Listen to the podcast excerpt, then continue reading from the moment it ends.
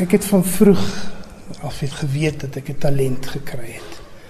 En op skool het ek nogal gewoeker daarmee. Ek het kunstklasse gekry en ek het altyd die maats in die klas teken en so voort. Uh so ek was bekend as 'n kunstenaar. Maar ehm uh, en ek het goedjies gemaak wat my ma in die huis opgehang het. Sy is nou die dag oorlede en so het ek al daai ou goedjies gaan afval en so dit staan nou by my. Sjoe.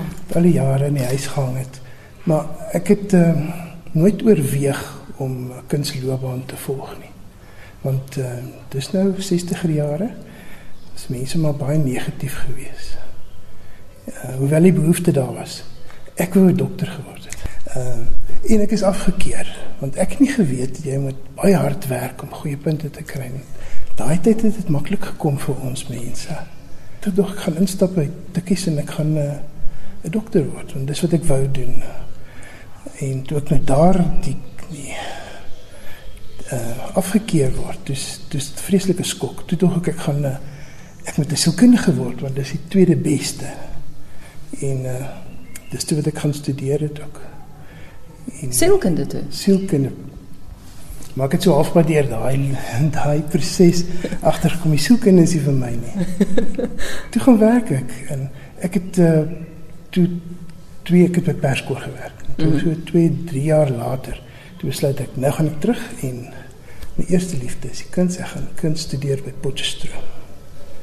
Gaan ek so intoe en ek het nou baie krediete gehad. So maar ek moes toe nou 2 jaar gaan en ek besluit toe kuns. Gaan hulle gaan gesels en ek is aanvaar.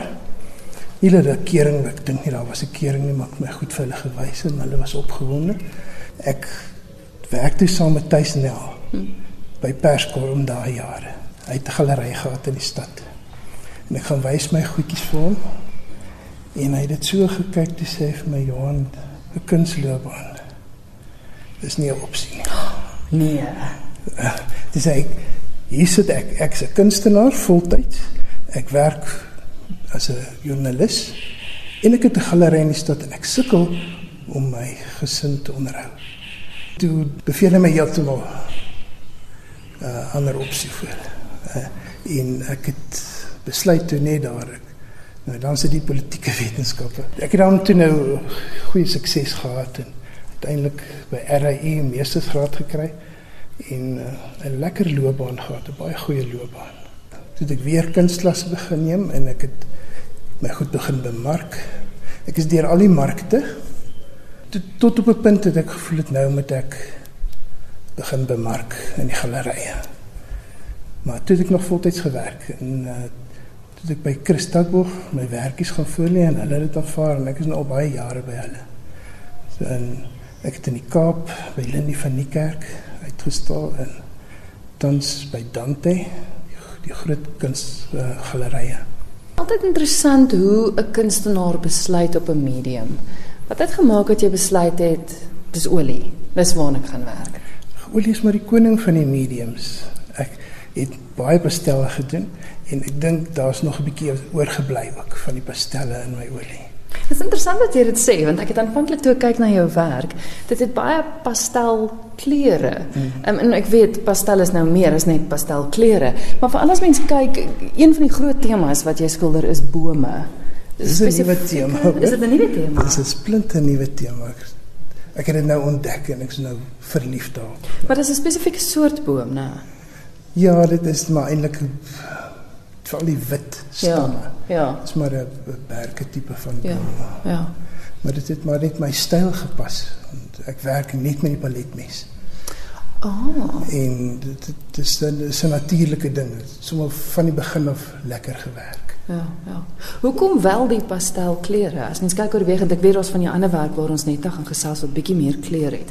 Maar hoekom spesifiek die pastelkleure? Ek is maar lief vir 'n sagte kleur. Ek is maar dit is maar lief. Ek ek gebruik geweldig baie wit verf. Want ek meng al my kleure, maak dit alles sagter. Mm. Uh en ek meng graag my eie kleure. Dis maar dis nog 'n dis nog 'n doelwit wat ek het om regtig nou kleur onder die knie te kry baie mense sê ek het al reeds maar ek steur my daar nie. Maar is tog al so rustigheid wat jou werk skep en ek ja. weet Tia die galery eienaar het ook gesê jy is 'n rustige mens van nature. Ja. En dit is asof mense jou leer ken deur jou werk, daai rustigheid. Jy weet Christel die die voordeel wat ek het is dat ek is nie afhanklik van geld vir die kuns nie, so ek hoef nie te verkoop nie. So ek wat jy hier sien is myself, is dis ek. Elke kan jouself wees, ja. Elke nuwe dingetjie wat ek aanpak is wat ek wil doen. En, en ek het al kommissies aanvaar, maar is glad nie vir my lekker nie. Meeste kunstenaars sê dit. Ja. ek gou hierso is werke wat jy gedoen het van van rots en en die branders wat breek en als. En mense kan baie duidelik daar sien die paletmes wat jy gebruik is lekker teksture. Mense mens kan sommer sien die verskillende lae op mekaar in die kleure, maar dan net oor kan die muur is daar is baie rustiger landskap, dis baie meer platter. Maar nog steeds daai tekstuur is is dit baie verskillend? Ek dink nie so nie, maar daar is mense wat dit al vir my gesê het. Dit dit voel maar vir my dieselfde. So jy gebruik dieselfde tegniek nog steeds selfs tegniek. Oh. Ja. En jy moet ek nou net ek ek gee tekstuur met die met die lyntjie wat wat die wat die paletmes laat. En dit uh, veral met my ek sou net maar sê my meer kommersiële goedjies wat ek nou by die gallerye bemark, want dit is baie lief vir mense ook.